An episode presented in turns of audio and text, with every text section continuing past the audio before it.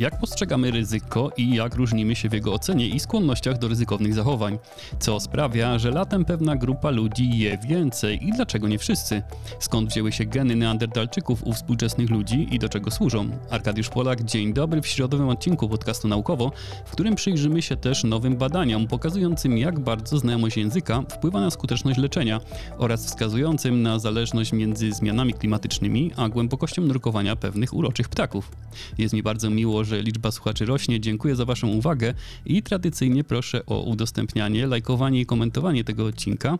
A jeśli chcecie, możecie również wesprzeć mnie finansowo w serwisie Patronite, abym mógł kontynuować produkcję tego podcastu. Zapraszam również po więcej naukowych treści na stronę naukowo.net oraz do dyskusji na naszym serwerze Discord. Wszystkie linki znajdziecie w opisie odcinka, który zaczynamy nieco ryzykownie. Czy planując wakacyjny wyjazd zarezerwujesz go wcześniej, czy zaryzykujesz i poczekasz na tańszą ofertę last minute? Jak powinni postępować uczniowie na egzaminach? Wyzwalać swoją kreatywność, ryzykując, że nie trafią w klucz odpowiedzi? Czy przedsiębiorstwo powinno inwestować w badania i rozwój nowego produktu, ryzykując, że się on nie sprzeda? Ryzyko jest naszą codziennością, dotyka każdego aspektu życia człowieka, ale czy każdy z nas postrzega ryzyko w ten sam sposób? I czy każdy z nas używa pojęcia ryzyka w tym samym znaczeniu? Tym licznym pytaniom postanowili się przyjrzeć psychologowie z Uniwersytetu w Bazylei, opracowując przy okazji nową metodę określania sposobu, w jakim w społeczeństwie postrzegane jest ryzyko. Wcześniejsze badania usiłowały ugryźć problem ryzyka od strony statystycznej, socjologicznej albo psychologicznej, ale każda z tych dziedzin definiuje ryzyko w inny sposób, nie uwzględniając tego, że znaczenie ryzyka może być różne u poszczególnych osób w zależności od celów i doświadczeń życiowych. Aby to zbadać, naukowcy opracowali nową metodę mini kuli śnieżnej opartą na skojarzeniach słów i odpowiednich algorytmach. Uczestnicy zostali poproszeni o wymienienie pięciu skojarzeń słowa ryzyko, a następnie pięciu skojarzeń do każdego z początkowo wygenerowanych skojarzeń ryzyka. W sumie 30 skojarzeń na uczestnika. Aby zidentyfikować ogólną sieć skojarzeń ryzyka, naukowcy pogrupowali je w pięć kategorii: zagrożenie, fortuna, działanie, inwestycja i analiza. Wielu z nas ryzyko od razu kojarzy się z pierwszą z nich, z negatywnym zagrożeniem, ale ponad połowę skojarzeń uczestników badania można było przypisywać do innych kategorii. Zwłaszcza kategoria fortuna zdaje się być pozytywnym przedstawieniem ryzyka. Każdy, kto liczy na milionową wygraną w totka, ryzykując straty kilku złotych, mógłby się z tym zgodzić. Natomiast zagrożenie i analiza dobrze współgrają z wymiarami strachu i niepewności. Ale czy w każdym języku jest tak samo? Czy ludzie z różnych regionów językowych przypisują słowo ryzyko do tych samych kategorii? Naukowcy porównali sieć semantyczną ryzyka, utworzoną dzięki skojarzeniom uczestników badania z Niemiec, z tymi, które powstały w dwóch innych językach niderlandzkim i angielskim. Wyniki sugerują, że istnieją pewne uniwersalne cechy ryzyka, które mogą zaistnieć dzięki temu, jak ludzie spotykają się z ryzykiem w swoim codziennym życiu, ale stwierdzono również różnice. Na przykład w języku niderlandzkim termin ryzyko był bardziej kojarzony z zagrożeniem, a w języku angielskim bardziej z fortuną i finansami.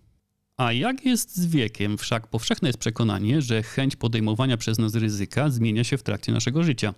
Wyniki badania sugerują, że ludzie z różnych grup wiekowych myślą o ryzyku w podobnych kategoriach. Jednak zauważono pewne różnice. Podczas gdy skojarzenia młodszych dorosłych można było przypisać do kategorii zagrożenie i fortuna w niemal równych proporcjach, u starszych dorosłych występowała wyraźna rozbieżność. Zagrożenie było znacznie bardziej widoczne niż fortuna. Gdy sprawdzono zmiany związane z wiekiem na poziomie pojedynczych słów, znaleziono już więcej różnic. Przy czym słowa dotyczące mobilności i zdrowia były pierwszoplanowe wśród osób starszych, a słowa dotyczące rozrywki i perspektyw finansowych były ważniejsze wśród młodszych. I to zarówno wśród kobiet, jak i wśród mężczyzn. Ogólnie myślimy o ryzyku w podobnych kategoriach. Niemniej jednak w przypadku zagrożenia i fortuny pojawiły się niewielkie różnice, przy czym pierwszy z nich jest bardziej widoczny u kobiet, a drugi u mężczyzn. Tak więc, podobnie jak w przypadku osób starszych, kobiety wydają się rozważać negatywne konsekwencje ryzyka częściej niż mężczyźni. Kobiety również częściej wymieniały słowo ciąża jako skojarzenie ryzyka. W badaniu zaobserwowano również, że skojarzenia osób odnoszące się do fortuny i analizy można było powiązać z wyższą skłonnością do podejmowania ryzyka, natomiast odpowiedzi odnoszące się do zagrożenia były związane z niższą skłonnością do ryzykowania. A zatem samo poznanie językowego skojarzenia ryzyka może być wykorzystywane do przewidywania indywidualnych różnic w skłonności do ryzykownych zachowań. Ciekawa metoda badania sugeruje, że ryzyko może być bardziej indywidualnym pojęciem niż do tej pory się to wydawało, co może mieć duże znaczenie na przykład dla branży ubezpieczeniowej czy szerzej finansowej.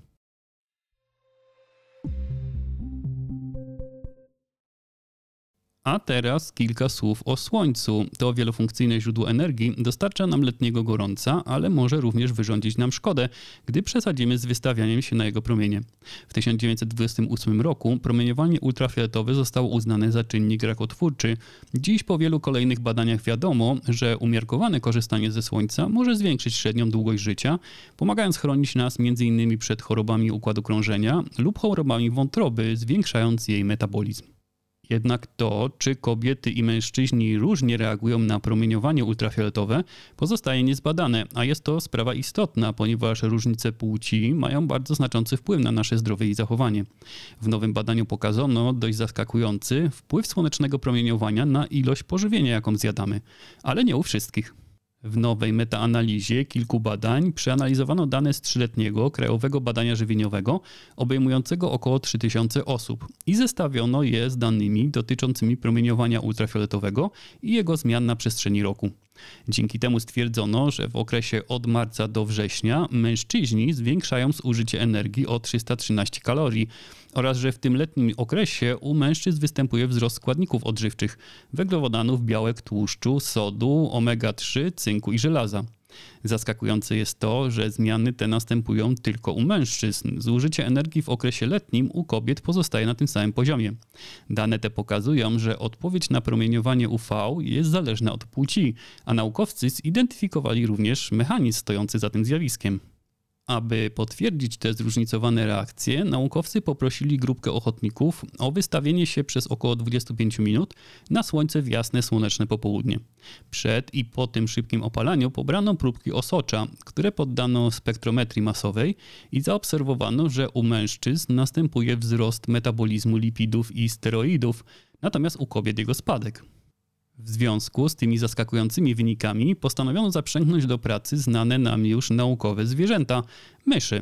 Wystawiono je przez 10 tygodni na codzienne promieniowanie ultrafioletowe, które odpowiadało opalaniu się przez człowieka przez około 20 do 30 minut. Okazało się, że podobnie jak u ludzi, także u myszy samce wykazują więcej zmian białek związanych z metabolizmem w porównaniu z samicami. Zaobserwowano też znaczący wzrost spożycia pokarmu przez samce, co spowodowało wzrost masy ich mysiego ciała. Dalsza analiza osocza myszy wystawionych na promieniowanie UV wykazała istotny wzrost poziomu greliny u samców, ale nie u samic. Odwrotnie stało się po zmierzeniu poziomu leptyny. Były istotnie niższy po ekspozycji samców na promieniowanie UV, podczas gdy u samic poziom leptyny istotnie wzrósł. I tu pojawiła się odpowiedź na tę zagadkę. Grelina bowiem to hormon głodu. Głównym źródłem greliny, choć nie jedynym, jest żołądek, a tkanka tłuszczowa jest głównym miejscem wytwarzania leptyny, czyli hormonu sytości. Chociaż udział skóry w regulacji zachowań związanych z poszukiwaniem pożywienia jest nieznany, zawiera ona tkankę tłuszczową swojej podskórnej części, dlatego tu ukierunkowano poszukiwania i zbadano tkanki skóry i żołądka jako potencjalnych producentów hormonów związanych z apetytem po ekspozycji na promieniowanie ultrafioletowe. Zebrane dane pokazują, że promieniowanie UV wywołuje produkcję i wydzielanie greliny tylko z męskiej skóry, a grelina pośredniczy też we wpływie promieniowania ultrafioletowego na zachowania związane z poszukiwaniem pożywienia u samców myszy. Ponieważ grelina służy jako obwodowy sygnał sytości, jej stężenie zmienia się w odpowiedzi na wskazówki środowiskowe i dociera do mózgu a bezpośredni związek między skórą a mózgiem wykazano w innym badaniu.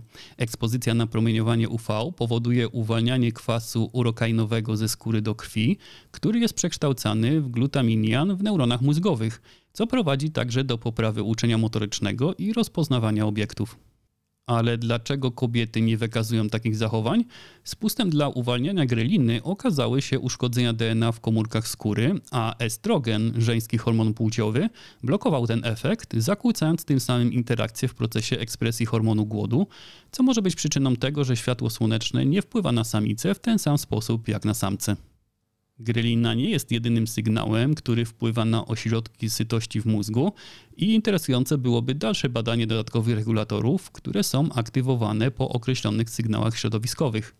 Czynniki, które kontrolują wydzielanie greliny, to także muzyka, światło i zapach, ale mechanizmy leżące u podstaw tych zależności nie zostały jeszcze wyjaśnione.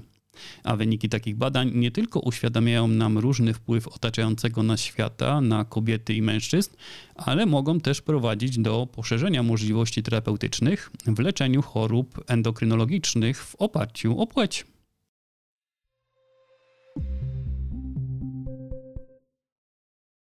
Nie wszyscy reagujemy na leki w ten sam sposób co powoduje czasem komplikacje nie tylko podczas poważniejszych terapii, ale także gdy chcemy usunąć ból za pomocą np. ibuprofenu. A podczas przyjmowania skomplikowanych leków stosuje się częste badania krwi, aby upewnić się, że dawki są utrzymywane w rozsądnych granicach, na tyle dużych, aby miały zdolność terapeutyczną i na tyle małych, aby nie spowodować poważnych skutków ubocznych. Okazuje się, że ta indywidualna różnica w zakresie przetwarzania leków i zachowaniu tej delikatnej równowagi może mieć związek z neandertalczykami. Przez około pół miliona lat dwie grupy, neandertalczycy i przodkowie dzisiejszych ludzi, żyli i ewoluowali niezależnie, ale około 60 tysięcy lat temu doszło do zmieszania, co wprowadziło do naszej puli genów wiele wariantów, które obserwujemy u dzisiejszego Homo sapiens. Podczas gdy współcześni ludzie ewoluowali na kontynencie afrykańskim, neandertalczycy dokonali tego w Eurazji.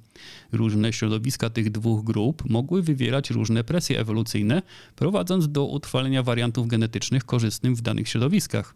Inne warianty, nawet lekko szkodliwe, uległy utrwaleniu w wyniku dryfu genetycznego, zwłaszcza w okresach, gdy rozmiary populacji były niewielkie, a dowody genetyczne sugerują, że ilość żyjących wówczas neandertalczyków była znacznie mniejsza niż współczesnych ludzi.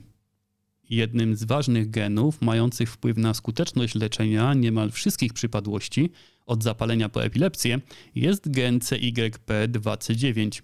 Koduje on cytochrom P450, nadrodzinę enzymów w wątrobie, których zadaniem jest rozkładanie w organizmie bardzo szerokiej gamy leków. Występuje on w wielu różnych formach, z których każda może być wynikiem jednego z 20 unikalnych ujęć kodowania CYP2C9. To powoduje, że niektóre z tych różnic w strukturze lepiej radzą sobie z metabolizowaniem leków niż inne, a wersja genu, którą odziedziczysz, może decydować o tym, jak długo podana ci dawka leku pozostanie w Twoim organizmie. Jeden z typów tego genu, CYP2C92, jest o 70% mniej aktywny niż najbardziej powszechny wariant genu, co oznacza, że nosiciele tego genu mogą wolniej metabolizować niektóre leki i są narażeni na toksyczne reakcje ze strony standardowych dawek leków przeciwzakrzepowych i przeciwdrgakowych. Nowe badanie pokazuje także, że CYP2C92 występuje dość często z innymi wariantami sklasyfikowanymi jako CYP2C83, zwłaszcza u osób z tych samych rodzin. Enzym ten odgrywa kluczową rolę w metabolizmie kilku środków farmakologicznych, w tym leków przeciwcukrzycowych, statyn, leków przeciwzapalnych, w tym popularnego ibuprofenu i chemioterapeutyków. Nie byłoby w tym nic dziwnego, ale te dwa warianty dzieli spora odległość. Znane są też inne przykłady powszechnie kojarzonych wariantów genów, rozrzuconych daleko od siebie na naszych chromosomach i wiemy, że mają one swoje korzenie w genomach neandertalskich. Dlatego naukowcy postanowili sprawdzić współdziedziczenie tych dwóch alleli w dużych bazach danych i udowodnić hipotezę, że są one odziedziczone od neandertalczyków, porównując sekwencje pobrane od 146 rodzin, by sprawdzić jak bardzo różnią się one od podobnych odcinków kodu w genetycznych bazach danych reprezentujących inne populacje, także te naszych przodków. I rzeczywiście badanie potwierdza, że odcinek DNA zawierający dwa warianty genu jest na tyle bliski wersji neandertalskiej, że te dwa geny prawie na pewno zostały przekazane podczas zmieszania się naszych linii genetycznych, które miało miejsce dziesiątki tysięcy lat temu. Chociaż wiedza, że dwa z najważniejszych alleli w farmakogenetyce są odziedziczone od neandertalczyków, sama w sobie nie zmieni praktyki klinicznej, wyjaśnia ona różnice obserwowane powszechnie przez lekarzy w sposobie, w jaki reagujemy na podawane przez nich leki.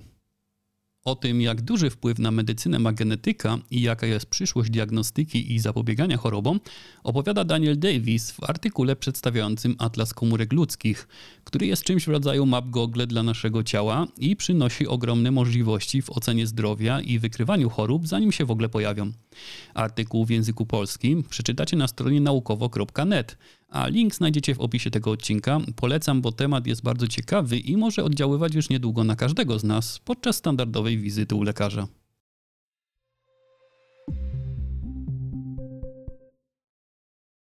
Czasem jednak taka standardowa wizyta nie wystarczy. Niezbędny jest pobyt w szpitalu w celu zapewnienia nam niezbędnych zabiegów czy leczenia. Jest wiele czynników, które pomagają człowiekowi osiągnąć pozytywną reakcję na leczenie, tak oczywistych jak skuteczna diagnoza, dobrze przeprowadzony zabieg czy podanie odpowiednich leków. Także nastawienie psychiczne pacjenta jest niezwykle ważne ale są także mniej oczywiste uwarunkowania, które mogą wpływać na wyniki leczenia szpitalnego i powrót do zdrowia już w domu po wypisie ze szpitala. Jak donosi zespół kanadyjskich naukowców, jednym z nich może być język, jakim się posługujemy i zgodność językowa między pacjentami a lekarzami. Kanada jest dobrym miejscem na tego typu badania. Mieszka tam około 38 milionów ludzi, wśród których 58,1% używa języka angielskiego, a 21,5% języka francuskiego jako swojego podstawowego języka. Według danych z 2016 roku ponad 6,1 miliona ludzi staje w obliczu sytuacji, w której ich język podstawowy nie jest używany przez większość populacji i nie jest uznawany za oficjalny język prowincji lub terytorium. Tylko jedna prowincja, Nowy Brunswick, uznaje zarówno angielski, jak i francuski za języki urzędowe. Wcześniejsze badania wykazały, że osoby z ograniczoną znajomością języka angielskiego mają w Ameryce Północnej gorszy dostęp do opieki zdrowotnej i otrzymują usługi zdrowotne o niższej jakości i bezpieczeństwie, a to z kolei wiąże się z większym ryzykiem wystąpienia niepożądanych podczas leczenia sytuacji. Badania przeprowadzone w Stanach Zjednoczonych pokazują, że pacjenci z astmą, którzy korzystają z podstawowej opieki zdrowotnej zgodnej z ich językiem, rzadziej pomijają leki, opuszczają wizyty i odwiedzają oddziały ratunkowe. Pacjenci dotknięci cukrzycą, którzy korzystają z opieki w języku, którym się posługują, mają lepszą kontrolę glikemii i częściej uczestniczą w programach opieki. Zła komunikacja między pacjentem a personelem medycznym wydaje się być logiczną przyczyną wielu pomyłek czy nieskuteczności leczenia, wszak musimy dość precyzyjnie określić, jaki mamy problem zdrowotny, aby można było podjąć odpowiednie działania. Problem ten może dotyczyć obcokrajowców, ale trzeba pamiętać, że bariery komunikacyjne zwiększają się również wraz z wiekiem. Starsi pacjenci mogą być bardziej narażeni na uszczerbek na zdrowiu z powodu złej komunikacji z personelem medycznym. W nowym badaniu przeanalizowano dokumentację medyczną ponad 189 tysięcy pacjentów korzystających z opieki domowej, którzy zostali przyjęci do kanadyjskiego szpitala w Ontario w latach 2010 do 2018, grupując ich na angielskojęzycznych, francuskojęzycznych i posługujących się pozostałymi językami oraz porównując do języków, jakimi posługiwali się lekarze. Aż 1 trzecia populacji Ontario nie używa angielskiego jako podstawowego języka, a wśród badanych 84% było anglofonami, 13% mówiło po francusku, a 2,7% mówiło w innych językach. Wyniki pokazują, że pacjenci szpitalni mieli krótsze pobyty i byli mniej narażeni na śmierć, upadek lub złapanie infekcji podczas leczenia, jeśli mieli lekarza mówiącego w ich języku. Frankofonii leczeni przez osobę mówiącą po francusku byli o 24% mniej narażeni na śmierć, a średnia długość ich pobytu w szpitalu była o 7% krótsza. Ale prawdopodobieństwo śmierci osób posługujących się językiem innym niż angielski lub francuski spadły aż o 54%, gdy mieli opiekę zgodną z ich językiem. Skąd ta duża rozbieżność w wynikach? Autorzy pracy tłumaczą to faktem, że pacjenci francuskojęzyczni częściej potrafią prowadzić rozmowę także w języku angielskim, co prowadzi do szybszej i dokładniejszej komunikacji z lekarzami angielskojęzycznymi. Jakie wnioski płyną z tego badania, być może także dla polskiego systemu opieki zdrowotnej, w dobie dużej ilości osób z Ukrainy, które uciekając przed wojną wywołaną przez Rosję, potrzebują opieki medycznej w Polsce? Szpitale powinny pytać pacjentów, jakimi językami się posługują, tworzyć katalogi umiejętności językowych swojego personelu, kierować pacjentów do lekarzy, którzy posługują się ich językami oraz korzystać z usług profesjonalnych tłumaczy. Także na poziomie edukacji powinno się umożliwiać personelowi medycznemu naukę języków występujących wśród ludzi w danym kraju w taki sposób, aby wyeliminować różnice w jakości usług medycznych wynikające z umiejętności językowych.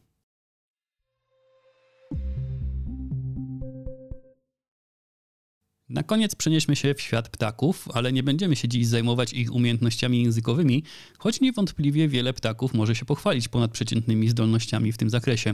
Aby ptaki mogły śpiewać, muszą przede wszystkim żyć, a aby to osiągnąć, muszą podobnie jak my zdobywać pożywienie. Obok wielu czynników środowiskowych wpływających na trudność w dostępie do pożywienia, naukowcy wskazują jeszcze jeden zmiany klimatyczne.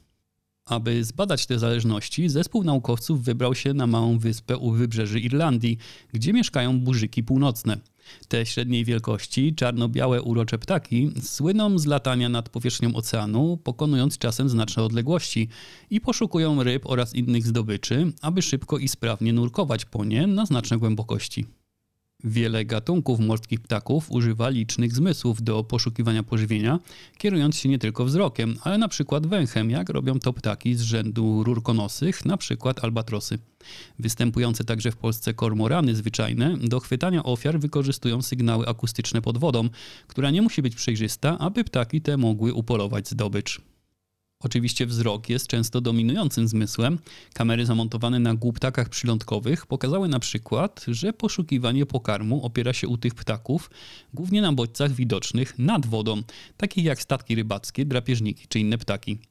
Badanie przeprowadzone na pingwinach sugeruje, że ich maksymalna głębokość nurkowania zależy od dostępności światła ze względu na kąt padania promieni słonecznych.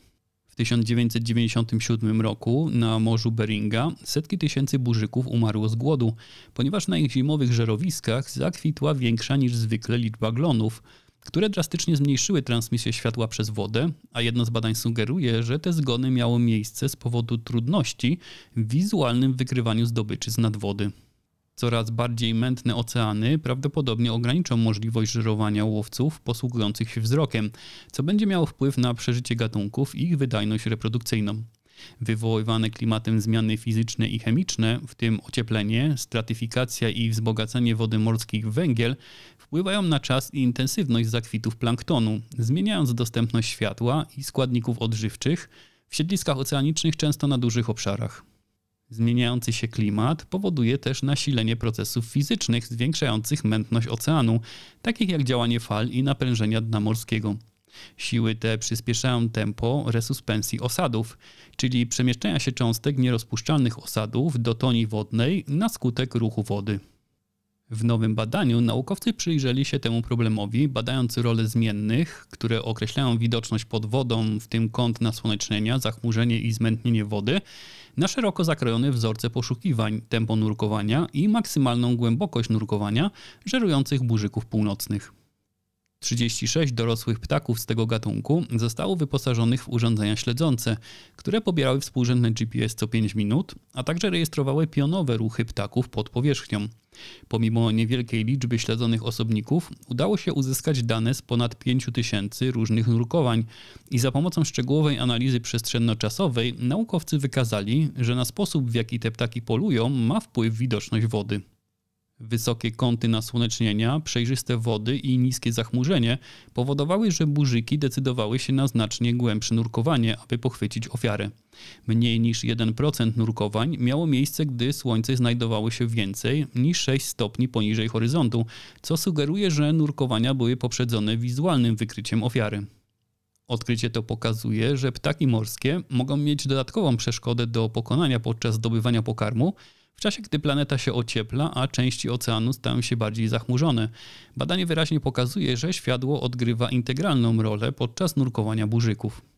Autorzy pracy zwracają uwagę, że przyszłe badania powinny przyjrzeć się dokładnie temu, jak widoczność wpływa na sukces żywieniowy ptaków, zużycie energii i ostatecznie na ich przetrwanie. Może to nie tylko pomóc w poznaniu, jak bardzo wrażliwe są ptaki morskie na zmiany klimatu, ale także bardziej ogólnie poprawić nasze zrozumienie, w jaki sposób zwierzęta wykorzystują zmysły do nawigacji i poszukiwania pożywienia. I to wszystko w dzisiejszym odcinku. Na kolejny zapraszam już w sobotę. Dzięki za dziś i do usłyszenia.